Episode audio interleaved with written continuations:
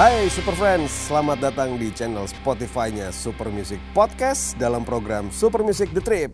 Nah Super Friends, seperti yang kalian tahu di The Trip kali ini kita nggak akan pernah bosan untuk datengin musisi, band, grup, or duo yang jadi idola lo. Buat kita ajakin ngobrol santai tentang perjalanan, karya, dan dinamika kehidupan mereka nih Super Friends. Kali ini kita akan menjamu kawan-kawan dari luar Jakarta Super Friends, grup rap yang unik dan berbahaya dengan ciri khasnya yang memadukan bahasa Jawa dengan musik hip hop yang menjadi identitas mereka tersendiri. Sesuai dengan liriknya nih, Jogja Jogja tetap istimewa, istimewa negerinya, istimewa orangnya. So, mari kita sambut konco-konco istimewa dari Yogyakarta, Jogja Hip Hop Foundation. Halo, Halo. friend. Hey. Apa kabar, Mas Juki? Aman ya? Mas Juki, Mas Anto, Mas Mamo dan Mas Balan sehat-sehat semua ya? Sehat, alhamdulillah sehat. Jadi bagaimana nih kegiatan selama pandemi ini di Yogyakarta kesibukan ada apa aja di Jogja nih masing-masing? Hampir bunuh diri sih aku. Setelah sekian lama ya? Enggak, enggak. Cuman ya apa ya? Teman-teman dulu deh kesibukannya apa Mas? Kalau saya kebetulan dari akhir tahun itu mulai uh, mencoba solo karir ya. Terus kemudian di sampai pertengahan tahun begitu awal pandemi itu uh, lebih banyak bikin single terus juga Berkarya, album ya. Oke. Tetap Dan produktif. Juga, ya momong anak juga. Oh, salah satunya. Yang lain gimana? Nama sibuk apa mau? Ke, kalau saya selama pandemi ini ya jualan online. Oh. Karena memang panggungnya sepi. Sebagai bapak kos gimana bapak kos? Bapak kos tapi ya rajeye. ya sambil bantu-bantu istri di MUA makeup artist ya. Makeup artist. Kalau aku tetap kegiatan ya sama di studio produktif hmm. masih bikin musik juga ini lagi mau bikin kompilasi oke okay. uh, hip hop di Jogja tak kumpulin jadi satu aku mau bikin kompilasi kalau di rumah ya ngurusin anak-anak keluarga kalau pagi ngurusin burung oh. ya standar gitu aja standar hari-hari ya hmm. Mas Jukin yang berbeda nih sepertinya nih Iya. Aku pertama kali itu waktu pandemi itu bikin namanya Jogja Lawan Corona. Itu ngumpulin teman-teman relawan yang pengen membantu para medis yang berjuang di garis depan. Ya ngumpulin, bantu mereka, ngumpulin tukang jahit banyak banget membuat APD secara mandiri dan dibagikan gitu. Tapi itu sudah di ya waktu itu sempat bikin single apa? Corona Janjo gitu. Hmm. Terus semua hasil uh, monetisasi dari dari Corona Jancuk itu terus ya di, disumbangkan, disumbangkan untuk untuk uh, Jogja lawan Corona via Jogja lawan Corona. Dan waktu itu hampir terkumpul mungkin berapa ya? Udah 20 ribu set APD APD gitu. Terus habis itu sibuk sama proyek pertanian saya. Ini momentum gitu karena dulu waktu pulang dari tour US itu aku pengen kembali ke desa dan bercocok tanam gitu. Bercocok Tapi tanam. waktu itu kayaknya nggak pas ya situasinya gitu. Maksudnya sampai lupa manggung, lupa jadwal manggung sampai saking asiknya sama pertanian gitu. Akhirnya 2012 aku berhentikan terus sekarang ya pas pandemi kayaknya menemukan momentumnya dan bikinlah kayak hmm, farming studio tempat saya bermain. Kalau secara kolektif kita punya apa ya project ya project bareng sebuah single yang single. sangat baru, sangat baru itu artinya ya single pasti baru ya. Dari style, cara kita membawakan, cara kita nge-rap gitu. Kayaknya udah terlalu tua, udah bosen pamer skill, pamer gaya, pamer apa gitu. Ya udah, ini kita akan merilis single sebentar lagi mm -hmm. yang ya semoga sebelum akhir tahun lah gitu. Dan itu kenapa Instagramnya CHF nggak ada postingan sama sekali sekarang. Yeah. restart. Seperti pandemi katanya merestart dunia ya. Kita juga restart Instagram CHF nol sambil mempersiapkan yang baru mas ya? Iya yeah. betul. Siap. Nah boleh diceritain nggak skena hip hop di Jogja itu pada era awal sebelum terbentuknya Jogja Hip Hop Foundation itu seperti apa sih mas? Generasi pertama tuh ya Citrap itu tahun 90-an eh, Mas Santo terus kemudian sempat vakum ya itu waktu itu terus habis itu tahun 2000-an saya dan Mamo dan teman-teman yang lain eh, bikin grup yang namanya South South Central Central Rhyme Syndicate. Opo kuwi artine? Cuman angel carane kesane underground. Wah, ngono kuwi ya digawe waton serem. Seperti itu ya. Akhirnya terus ya itu eh, komunitas dari komunitas kecil cuman komunitas nongkrong aja akhirnya menjadi banyak terus ya kita eh, mencetuskan nama Jahanam itu waktu itu nonton Sahur Sepuh. Sahur sepuh. Jadi ada adegan di situ adegan pertengkaran dan ada ada yang bilang Jahanam kamu. Wah itu jadi dijadikan nama nama itu. Nah, Mantili udah ini mudah diingat awal mula awal mulanya ya monolog itu. Nah pada saat itu tuh rapper mana aja sih yang sebenarnya meng- menginfluence teman-teman dari Jogja Hip Hop Foundation? Apakah teman-teman di Jogja juga look up atau melihat eh, skena hip hop nasional misalnya di eh, pada awal tahun 2000-an setelah eranya Kang Iwa dan melebar ke daerah lain. Itu zaman hip hop Indo ya? Hip hop Indo ya? Iya, iya. nah itu banyak ya.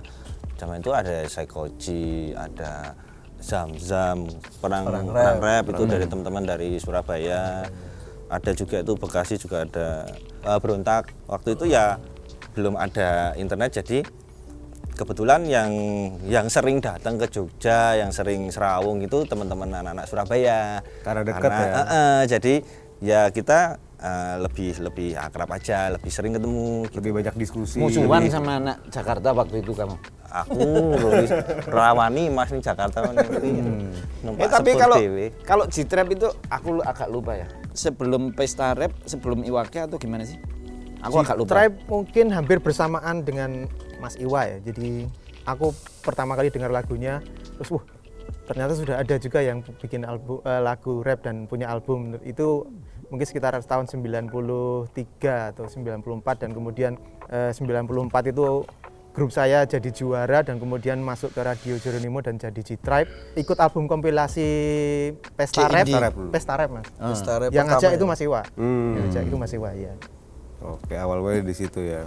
Kalau boleh diceritakan nih, apa namanya Mas Juki, terdorong untuk membuat Jogja Hip Hop Foundation. Kemudian kan mengajak teman-teman yang ada di sini dari Rotra, dari Jahanam saat itu tuh seperti apa ceritanya, Mas? Ceritanya gimana ya? Sebenarnya aku mendengarkan mereka itu sejak aku SMA gitu. Eh, G-Trap. Kalau pas mereka aku udah udah melanglang buana lah ceritanya Di Perancis gitu. ya? Nah, udah di Perancis lah pas mereka rilis-rilis gitu. Eh, jadi di Perancis pun aku bekerja sebagai visual artis pameran eh, dan juga main musik elektronik gitu. Terus eh, tapi sebenarnya aku mengikuti banget temen-temen eh, yang rap terutama berbahasa Jawa karena menurutku unik dan benar-benar mewakili identitas pasarnya pun tercipta dengan sendirinya meskipun belum ada internet dan media juga tidak mengcover banyak gitu apalagi media nasional gitu aku menganggap itu ya unik dan sangat menarik gitu nah kemudian waktu itu tahun 2003 saya saya kembali keliling dari Eropa dan berbagai negara yang lain gitu melihat teman-teman ini kok masih segitu terus gitu. Padahal yang aku bayangkan ya aku ya dalam imajinasiku aku pasti bisa membawa eh, ekspresi yang unik dan khas mereka itu bisa ke mana pun kita mau pergi gitu. Dan dan yang aku bayangkan waktu itu aku sebenarnya nggak pengen nge-rap. Aku cuman pengen mempublikasikan Karya-karya, ya. mereka menjadi produsernya mempromosikan hingga bisa jalan-jalan ke mana pun yang kita mau gitu. Cuman itu aja gitu. Terus lama kelamaan terus ikut nge-rap. Betul, ya. Iya, 2005 2006 itu pas poetry battle. Ya akhirnya ikut ikut nge-rap gitu. Terus sampai sekarang ya apa yang saya pikirkan saya imajinasikan terbukti bahwa sebenarnya dengan ekspresi yang unik ini kita bisa jalan-jalan ke seluruh dunia mancanegara gitu ya, ya. dengan warna yang berbeda ya mas ya. Kemudian untuk teman-teman dari Rotra dan Jahanam sendiri pada waktu itu kesamaan apa yang membuat kalian eh, berjodoh untuk membentuk Jogja Hip Hop Foundation? Kalau dari saya waktu itu kita ya diajak ma- sama Mas Juki dan ya kita senang aja waktu itu support eh, ada suatu semacam komunitas gitu yang me- menjadi rumah kita semua rapper-rapper di Jogja. Waktu itu Jogja Hip Hop Foundation itu dan waktu itu ada acara namanya It's Hip Hop Reunion. Ya jadi di situ kita bisa merasa menjadi keluarga begitu ya diajak bisa mengekspresikan karya-karya kita di acara itu di It's Hip Hop Reunion. Waktu itu ingat itu juga tahun 2003 itu kita pentas yang datang itu dari semua eh, Jakarta, Bandung, Solo, Semarang, Surabaya ngumpul jadi satu pentas dari jam 9 pagi sampai 11 malam nonstop Non-stop dari ya? semua grup itu. dari berbagai dari Iya, berbagai di- macam daerah Di ya. acaranya Jogja Hip Hop Foundation waktu itu. Hmm. Dan waktu itu juga sempat ada cerita mengajak Soimah sebagai kolaborator juga ya. Itu setelah itu ya, Setelah setelah itu. itu. Setelah kita jadi grup. Jadi Jogja Hip Hop Foundation itu awalnya aku berpikir tentang dia se- semacam publishing company yang mem- bisa mempublikasikan karya-karya teman-teman di Jogja yang unik nih. Maksudnya pakai bahasa Jawa, eh, mixer dengan gamelan dan musik tradisional menurutku itu sangat menarik sekali gitu. Itu awalnya benar-benar komunitas. Ratusan rapper kumpul di acara angkringan hip hop misalnya ya, itu ratusan rapper. Semua teman bawa CD. NS1. Waktu itu belum ada flash disk. belum internet Pak, sedikit sekali yang punya gitu. Masih mahal sekali. Semua orang bawa minus one CD yang kalau ditumpuk itu bi- bisa satu kun itu. Mungkin ya karena saking banyaknya ya. Dan kadang-kadang ketika dimasukin ke CDJ atau ke komputer ngadat karena berat-berat gitu baset-baset itu. Itu luar biasa ya. Tapi akhirnya menurutku sih ya dari versiku maksudnya ya secara alamiah terbentuk sen- dengan sendirinya bahwa Jogja Hip Hop Foundation akhirnya menjadi semacam eh, kolektif sekarang ini gitu dari awalnya komunitas. Karena eh, ternyata juga yang berbahasa ini berbahasa Jawa ini justru yang semakin dicari orang gitu waktu itu gitu maksudnya membentuk pasarnya sendiri mungkin Unik ya. Heeh, mungkin karena orang-orang kemudian membandingkan dengan rapper di daerah lain atau rapper Jakarta yang ngomongnya lu gue, ya sini medok-medokan nih gitu. Terus terus justru men- menciptakan pasarnya sendiri di saat itu. Formulanya seperti apa sih Mas waktu itu menggabungkan musik dengan budaya barat, hip hop tapi dengan lirik bahasa Jawa gitu. Aku melihatnya sih itu bukan pretensi kontemporer. Kayaknya teman-teman itu memang lebih pas nge-rap berbahasa Jawa gitu.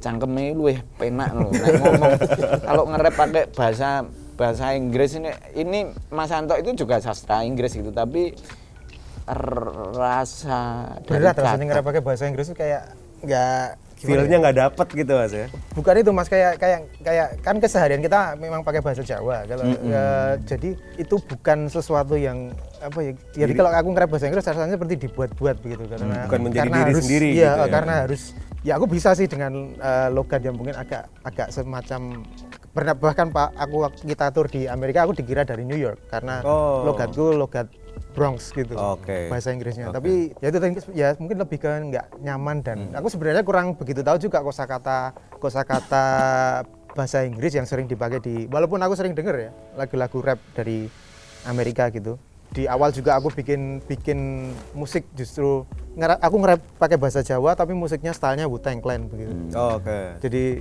baru kemudian sudah eh, diajak proyek poetry battle itu aku baru mencoba karena waktu itu lagu yang aku pilih judulnya Ngilmu Pring.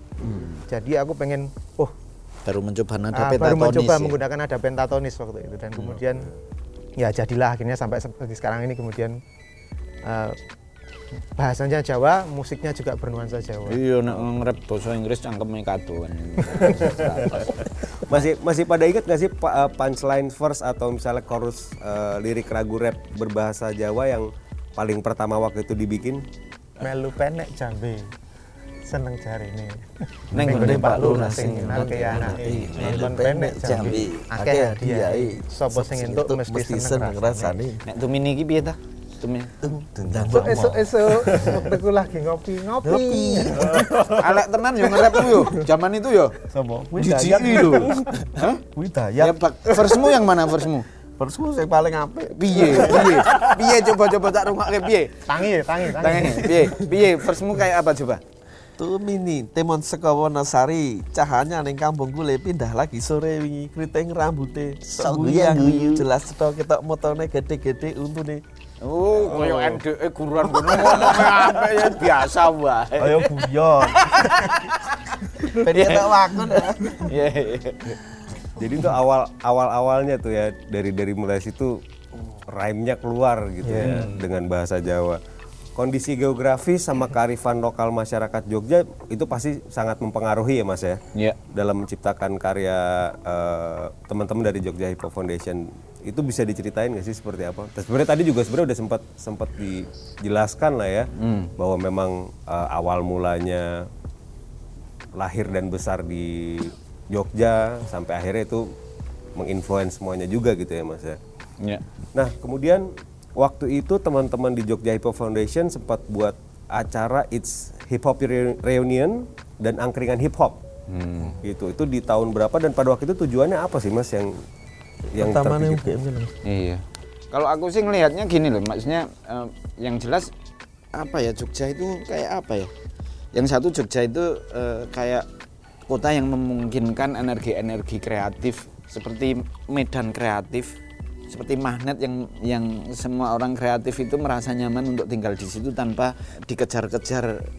Kalau di Jakarta itu mungkin dikejar-kejar deadline kan sama sama produser atau sama sponsor sama klien gitu. Kalau kalau di Jogja itu orang berkarya itu kayaknya nggak nggak dikejar-kejar apa pun, dikejar-kejar oleh imajinasi dan hasratnya sendiri gitu loh. Jadi kota itu tidak terlalu menuntut gitu. Kalau nggak punya uang juga bisa makan di tempat tetangga, nggak punya kos-kosan bisa tidur di di mana pun gitu. Rasanya itu ya itu kota bener-bener nggak menuntut itu bukan itu kota bentuknya tapi relasinya itu bener bener-bener relasi kampung. Sehingga ketika kita pengen berkarya itu selalu gampang banget menurutku untuk mendapatkan eh, bantuan dari teman-teman sekitar gitu. Hal-hal seperti angkringan hip hop eh, it's it's it's hip hop reunion sampai kemudian eh, melahirkan Jogja Hip Hop Foundation. Dan hingga sekarang itu sebenarnya juga itu seperti seperti main-main imajinasi yang menjadi kemudian menjadi keterusan dan kayaknya asik-asik aja gitu. Eh, ngumpul ngumpulin teman-teman aja kayak kayak sesama ses- sesama teman-teman yang sangat eh, hobi eh, seneng dengan rap terutama bagi mereka yang berbahasa Jawa gitu ya udah tiba-tiba bikin acara yang kecil banget kecil banget waktu itu kecil banget soundnya mungkin pakai sound sound monitor komputer jumba Simbada. Simbada. perjalanannya itu ya Iya, maksudnya sampai sampai sebegitunya mas saya pada waktu itu ya. Sempat ada tujuan ingin memasyarakatkan hip hop dan menghip hopkan masyarakat betul ya pada saat pada saat itu ya. Animonya audiens pada waktu itu seperti apa sih mas yang yang bisa disajikan sama Jogja Hip Hop Foundation? Susah-susah gampang sih ketika kita bekerja dengan pilihan yang unik itu kan segala pilihan kan punya tanggung jawab dan keuntungan dan risikonya masing-masing gitu loh. Ketika kita nge-rap pakai berbahasa Jawa, sementara industri musiknya waktu itu lagi bahkan mungkin hip hop nasional juga lagi melempem ya waktu itu ya. Itu itu pasti punya tantangannya tersendiri gitu. Jadi susah sekali untuk memasukkan eh, musik-musik kita ke misalnya waktu itu ada program musik setiap pagi di apa Di radio. televisi di radio gitu tuh itu susah sekali. Artinya kita harus menciptakan medianya sendiri ketika media mainstream nggak mau gitu atau kita bikin record label sendiri ketika record label mainstream nggak mau atau kita bikin radio sendiri ketika radio pada umumnya nggak mau gitu. Jadi ya akhirnya kita harus menciptakan media dan pasarnya sendiri sekaligus gitu. Dan ternyata ya 2007 2008 terasa banget ba- dampaknya gitu maksudnya tiba-tiba dapat email dari luar negeri kayak gitu kayak kayak gitu kayak gitu udah udah mulai. Terus kemudian untuk proyek-proyek kita mulai sponsor berdatangan kayak gitu. Jadi ya ya pasti butuh waktu lebih lebih lama. Tapi ya akhirnya pasar dan medianya itu eh, tercipta dengan dengan konsistensi gitu. Apalagi kemudian di zaman ini gitu. Maksudnya itu kayak membuktikan awal-awal pembuktian tentang zaman digital bahwa setiap orang itu sebenarnya eh, artis sekaligus publisher sekaligus gitu. Setiap orang adalah media. Jadi kita nggak perlu lagi media sebenarnya. Karena setiap orang media dan bisa mempublikasikan karyanya sendiri gitu. Kalau zaman dulu itu kan sebenarnya di awal-awal tahun 2003 itu masih susah sih 2003 2006 itu masih susah sosial media belum rame gitu tapi ya mulai mulai bisa lah mulai bisa sedikit-sedikit ada celah gitu berkembang pelan-pelan mas ya. sampai akhirnya malah dapat respon dari dari luar negeri gitu iya pada waktu itu ya. Benar Dan di tahun 2006 kan sempat ada proyek eh, dengan nama Poetry Battle, gitu kan. Itu diceritain dong mas, gimana sih eh, awal dan tujuannya? Itu awalnya ketika ada Mas Yuki bikin acara musim para penyair. Musim para penyair. Iya, awalnya dari situ. dari situ juga awal kita ketemu Mbak Soimah ya Mas. Iya benar. Di situ. Dan kita juga dikasih tantangan Jahanam, dikasih tantangan untuk bikin puisi, tapi ada musik hip hopnya. Ya mulai dari situ baru bikin poetry battle, masuki untuk merayakan musim para penyair setiap tahun sekali. Mm-mm. Iya awalnya memang musim musim para penyair belum belum Poetry battle. belum poetry battle ya itu mungkin 2005 kita bikin musim para penyair kemudian kita seriusin menjadi menjadi poetry, battle, gitu dan dan sebenarnya kalau ngomong ekspektasi gitu aku sih membayangkan hal yang apa ya? Kayak bosen lu ngobrol sama anak-anak hip hop itu aku anak-anak hip hop itu kalau ketemu sama teman-teman di luar hip hop itu mau ngobrol apa itu bingung menurutku. Jadi ini menurutku ketemu aja lah sama orang-orang yang disiplinnya berbeda dengan hip hop gitu. Kayak penyair meskipun rapper itu sesungguhnya juga penyair tapi tapi disiplinnya jelas berbeda gitu. Terus melibatkan teman-teman perupa untuk bikin apa eh, instalasi bikin gitu ya. bikin ilustrasi artwork dan macam-macam graffiti street art gitu. Jadi jadi semakin pergaulannya semakin luas dan wawasannya semakin luas semakin nakal. Ini mama ini dulu nggak nakal. Gara-gara ikut poetry battle jadi nakal. Nakal. Kita teman. Pada waktu itu tuh teks puisi siapa aja tuh mas yang dieksplorasi eh, menjadi musik hip hop di proyek Poetry Battle? Banyak banget sih. Kalau aku dikasih beberapa pilihan sama Mas Duki waktu itu, tapi akhirnya aku yang kemudian aku pilih yang dari Sindunata. Hmm. Karena ya masih ada rasanya masih seperti ada benang merahnya dengan G Tribe. Oke. Justru menemukan jodohnya kayaknya di situ. ya. Oh. Waktu itu Janam juga milihnya karyanya Sindunata. Oh. Ya karena guys gaya bahasa dia yang yang cocok aja, pas banget kalau kita bawain itu. Storytellingnya. Storytellingnya. Ya sebenarnya waktu itu bukan cuman eh, Jahanam dan Rotra sih, eh, tapi banyak sekali eh, Grup-grup kolektif lain ya. hip hop lain dan rapper lain gitu. Akhir- artinya dari Gunamo- Gunawan Muhammad sampai penyair muda sampai eh, Sindunata gitu. Tapi kemudian kalau ngomong eh, yang paling nyaman buat teman-teman di Jogja Hip Hop Foundation tentu saja kemudian yang eh, lirik-liriknya dengan logika eh, tradisi Jawa eh, apa eh, literasi Jawa dan juga liriknya ber, yang sebenarnya tidak Jawa banget itu tapi mambu-mambu Jawa gitu. Rasanya itu sangat sangat sangat Jawa gitu. Jadi Jawani. ya Jawani. Terus akhirnya ya kemudian justru itu berjodoh maksudnya teman-teman akhirnya sering banget eh, bikin lagu atau me- menyanyikan lagu eh, puisi-puisinya Romo, Si- Romo Sindu untuk dibikin lagu hip hop dan nggak ngerti juga gitu Di Tiba- poetry battle kedua Romo, aku di Rotra juga pakai Romo Sindunata lagi puisinya. Kemudian di malah akhirnya kemudian sama Romo Sindu dikasih khusus puisi nih iki Oh, khusus dijadikan dibuatkan lagu gitu. hip hop. Yang dibuatkan. itu juga agak aneh itu karena sebenarnya itu puisi itu beberapa titik kita nggak paham juga itu puisi ngomong apa ya gitu ya. Tapi dan karena itu kadang-kadang Romo Sintu itu nulis juga campur-campur dengan mantra-mantra yang hampir punah gitu terus tiba-tiba dihidupkan kembali dan dia merasa nyaman menemukan medium baru bahwa ternyata mantra-mantra yang hampir punah itu bisa lahir kembali dengan hip hop dan dinyanyikan anak-anak di jalanan. Jadi ya amazing sih maksudnya aku sendiri kaget kenapa bisa kayak gitu dan bisa dinyanyikan di diskotik juga yang joget-joget di diskotik sambil mabuk itu juga nggak paham kalau itu mantra-mantra gitu Oke, berlanjut ke tahun 2009 nih. Jogja Hip Hop Foundation mulai dilirik oleh masyarakat luas kan, bahkan pada waktu itu juga sempat diundang perform sampai ke Singapura. Gimana ceritanya waktu itu bisa diundang ke sana nih, Mas? Ya kita bagus sih makanya diundang gitu. Kalau nggak bagus ngapain diundang? Nggak diajak ya? iya. Ya karena kita bagus ya, makanya diundang. Ya kita berutang budi kembali berutang budi sama sama Jogja sih.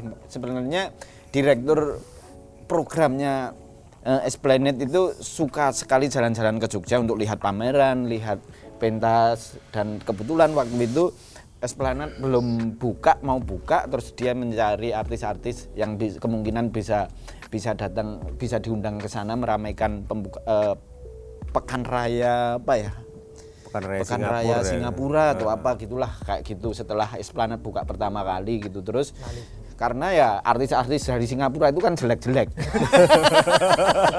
Jelas bagus artis-artis dari Jogja lah gitu. Jadi ya ya akhirnya waktu itu kita habis manggung di Jogja, dia pas nonton terus ngobrol terus ya udah dapat dapat undangan untuk datang ke untuk konser Perform di sana di ya? Iya konser. benar. Empat lima tahun kemudian kita diundang di kon- di kon- di konser hallnya ya. konser hall di Oh, dalam. perform di konser hallnya itu belum pernah dipakai untuk untuk konser hip hop itu biasanya orkestra itu. apalagi hip hop dari Jogja ya itu. Hmm, hmm. Bahasa Jawa meneh. Boh ngomong apa? Ya itu karena karena kita bagus dan rapper Singapura jelek. karena rapper Singapura nggak bisa berbahasa Jawa, Nah, tapi kita waktu itu bikin kolaborasi ya. Ya. Justru karena kita kita apa bikin eh, kita eh, diundang ke sana akhirnya mereka meminta untuk kita membuat karya. Menurutmu kalau sastra dari Melayu itu bisa nggak sih dibikin? Terus akhirnya kita bikin itu Gurindam 12 Raja Ali Haji. Eh, itu secara konkret juga pertama kali kita berkolaborasi dengan dengan Soimah ya. Ru- lagunya eh, judulnya Gurindam 12 karya Raja Ali Haji. Eh, sebenarnya itu rebutan juga karena itu entah itu Melayunya Malaysia atau Sumatera itu rebutan nggak nggak jelas gitulah. Terus eh, akhirnya kita mengajak rapper dari Singapura Malaysia juga ya? Surat kabar lama. surat, surat kabar, kabar lama. lama gitu. Terus sama Soimah dan kita menghidupkan kembali eh, teks Melayu yang yang teks Melayu kuno gitu. Ya begitu ceritanya dengan diliriknya oleh market internasional nih saat itu kan salah satunya Singapura ya Hmm.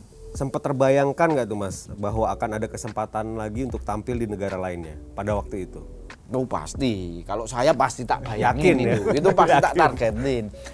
Kalau bekerja nggak punya target itu gimana? Kalau aku pasti tak targetin, nggak tahu kalau teman-teman yang lain nggak mikir kayaknya. Piye, Mo? gimana mas Juki aja kayaknya ya Ngatut. Kalau aku ngalir aja sih mas. Kalau aku sih nggak kepikiran ya, mikirin ya gimana bikin lagu yang bagus ini gitu aja. Pak. Nek kebayang besok tampil di mana ya Gimana nanti? Ya, gimana nanti gitu. Iya kalau itu yang yang resah itu kayaknya aku sendirian deh. aku pokoknya bikin target. Pokoknya begitu aku bikin Jogja Hip Hop Foundation suatu saat pasti aku, aku bisa jalan-jalan dengan Jogja Hip Hop Foundation ke mana pun kita kita mau jalan gitu. Artinya kita mau ke mau ke Amerika bisa, ke Eropa bisa, ke mana pun kita bisa jalan-jalan dengan musik kita gitu dan ya itu itu terbukti. Jadi waktu itu kalau belum tercapai itu aku masih mikir-mikir gimana ya caranya, bagaimana caranya nyari nyari kunciannya, celahnya, jalannya ke mana gitu. Tapi ya kembali lagi kalau menurutku sih aku berutang banyak sama kita Jogja Hip Hop Foundation berutang banyak sama sama eh, medan kreatif bernama Yogyakarta gitu. Menurutku kayak gitu. Lalu perjalanan Jogja Hip Hop Foundation ke Singapura dan Jakarta pada waktu itu juga diarsipkan dalam sebuah video bertajuk Hip Hop di Ningrat ya. Nah sebenarnya di video itu tuh apa yang pengen disampaikan tuh mas? yang pengen disampaikan apa ya? Itu sebenarnya kan film dokumenter gitu. Eh, kita peng- cuman pengen mengarsipkan gitu. Maksudnya aku su- aku suka sih punya punya arsip yang bagus tentang perjalanan yang sudah kita lalui gitu. Nggak tahu nantinya jadi apa gitu. Tapi ya waktu itu kan kita dapat apresiasi eh, di festival film eh, Jak- apa ya namanya? G-Fest atau apa ya waktu itu. Namanya yang udah bubar itu apa ya? G-Fest ya waktu itu diputar di G-Fest dan menjadi film dokumenter yang di highlight karena waktu itu masih juga jarang eh, sebuah eh, kolektif musik, Musik, ya. gitu yang bikin film dokumenter gitu. Eh, yang pertama targetnya sederhana itu menjadi arsip secara pribadi buat kita dan penggemar kita gitu. Yang kedua eh, itu menjadi alat komunikasi yang enak ketika ditanya Jogja Hip Hop Foundation itu apa sih gitu. Ya udah orang Amerika tanya kayak gitu kirim aja filmnya. Lihat Kamu aja di situ ya. sendiri, nah, sejarahnya seperti ini gitu. Dan karena film dokumenter artinya itu benar-benar benar-benar jujur bukan bukan sesuatu ketika di- kita mabuk ya kelihatan mabuknya juga ya. Bukan hmm. pengadeganan ya? Iya bukan ya? pengadeganan itu benar-benar film dokumenter sih nggak ada nggak ada pengadeganan sama sekali. Oke. Jadi itulah seberapa pentingnya video hip hop di Ningrat dalam perkembangan sejarah musik hip hop di Yogyakarta ya. Iya dan dan beruntungnya juga waktu itu kita eh, bukan kita aku secara pribadi diundang untuk mempresentasikan film itu di eh, Australia. Australia itu ada festival film di Australia yang yang kedua film dan lagu-lagu JHF itu diarsipkan di kayak arsip nasionalnya Australia gitu. Oke. Mungkin arsip nasional Indonesia yang belum pernah mendokumentasikan gitu tapi di tahun 2011 waktu itu film dan eh, lagu-lagu dari Jogja Hip Hop Foundation di diundang di ke sana untuk diarsipkan seperti itu. Dipresentasikan kemudian diarsipkan malah justru di Australia ya. Iya benar. Oke. Wah, berarti sebenarnya banyak banget nih cerita-cerita eh, termasuk salah satunya yang terakhir di Hip Hop di Ningrat itu sangat menarik untuk untuk didengar sebenarnya sama teman-teman Super Friends. Nah, Super Friends baru aja nih kita saksikan dan kayak kita kayak berasa diajak jalan-jalan nih ke Jogja bareng sama Jogja Hip Hop Foundation nih.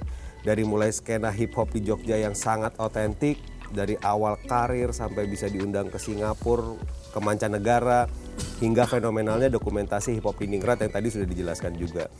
Nah, Super Friends, gitu aja dulu buat ngobrol bareng Jogja Hip Hop Foundation di The Trip part 1 kali ini. Tapi tenang, ini perjalanan Jogja Hip Hop Foundation nih yang diceritakan barusan nih baru sebagian kecil aja nih sebetulnya. Masih bakal banyak lagi yang kita terusin di The Trip part yang kedua. So, pantengin terus channel podcastnya Super Music dan tunggu serunya ngobrol-ngobrol bareng idola lo only at Super Music Podcast di Spotify. Dan selanjutnya, mari kita dengarkan salah satu single dari Jogja Hip Hop Foundation, Ngene Ngono, eksklusif hanya di Super Music The Trip. Kudu ngene, kudu ngono. Iko santai wae lo Aku ngene, kowe ngono. Wo oh, ora masalah bro. Yo, yo, yo, arep ngene lah, arep ngono lah, bebas wae lah, ora masalah. Cok kakean ngurusi wong liya lah, penting tanda gawe tetep obah. Ono sing seneng akeh sing sengit, gue mesti aku tetep komit. Aku rawedi ra bakal pamit, kotro-kotro iki tetep tak anggit. Biyen cilik diulang ngaji, bahasan gede dadi rapper kemaki. Akeh sing meri lah ya wis mesti. Hirayang kildo DJ wonten mriki. ngene, kudu ngono Iko wo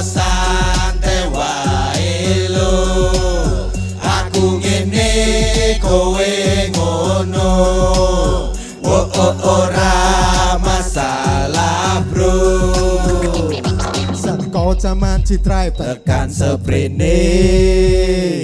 Melu penek jambe terus Joko. Parkirane Kanca-kancaku dong edan aku santai wae. Ora doyan rokok, Ora doyan ngombe. Ra neko-neko, rasa mung kulino Rasa bentoyong lakoni sandi Makayo opo anane we Sing tetep ono. Nganti ngelus dadan. We Aku kehilangan konco Payu ra payu ra tau gagas. Nanti seprene tetap tancap gas. Terdengar bunyi bibing diriku kan semakin ganas. Kilo aku Kiakan Kudu ganas ngene, kudu ngono. Iko wo santai wae lo Aku ngene, kowe ngono. Oh oh ora masalah bro? Dilair kita di anak rocker Cari bapak ibu musik keblinger. Nanging atiku ratau geder Liku ngerem sal soyo banter. Seko jahanam nganti JHF crew Biyen bujang saiki anakku telu. Musik wis tadi dalan uripku. Iso ku ngomong yo nganggo lagu. Esok esok medeti manuk Di samping ngopi karo cangkruk. Wayah wengi ngulik suntuk Gawe musik nganti esok Kudu ngene, kudu ngono. Iko wo santai wae lo Aku ngene, kowe ngono. Wo ora masalah bro. Biyen sekolah toto lan dudu sapa-sapa lan duwe apa-apa. Sanggup kumung rogo. pancen kudu cerbas sugi mawa beo. niat ingsun Wani rekoso. Bandaran kali. Pase. Sone pinggir kali. Gone. Neng kono kuwi. Yo eh Tak wiwiti pas Zaman semono ngimpi wae wedi. Ora nyongko iso tekan luar negeri. Ora abang ora ireng. Kabeh wis tak lakoni. Nobrak-nabrak nganti Mripatku ilang siji. Musik iki sing nuntun Aku tekan saiki. bakal mandek nganti Nganti pagi Ngene kudu ngono dikowo santai wae lo Aku ngene kowe ngono ora masalah bro. Ngene kudu ngono dikowo santai wae lo Aku ngene kowe ngono ora masalah bro Ngene kudu ngono dikowo santai wae lo Aku ngene kowe ngono ora masalah bro Ngene kudu ngono dikowo santai wae lo Aku ngene kowe ngono. Ora masalah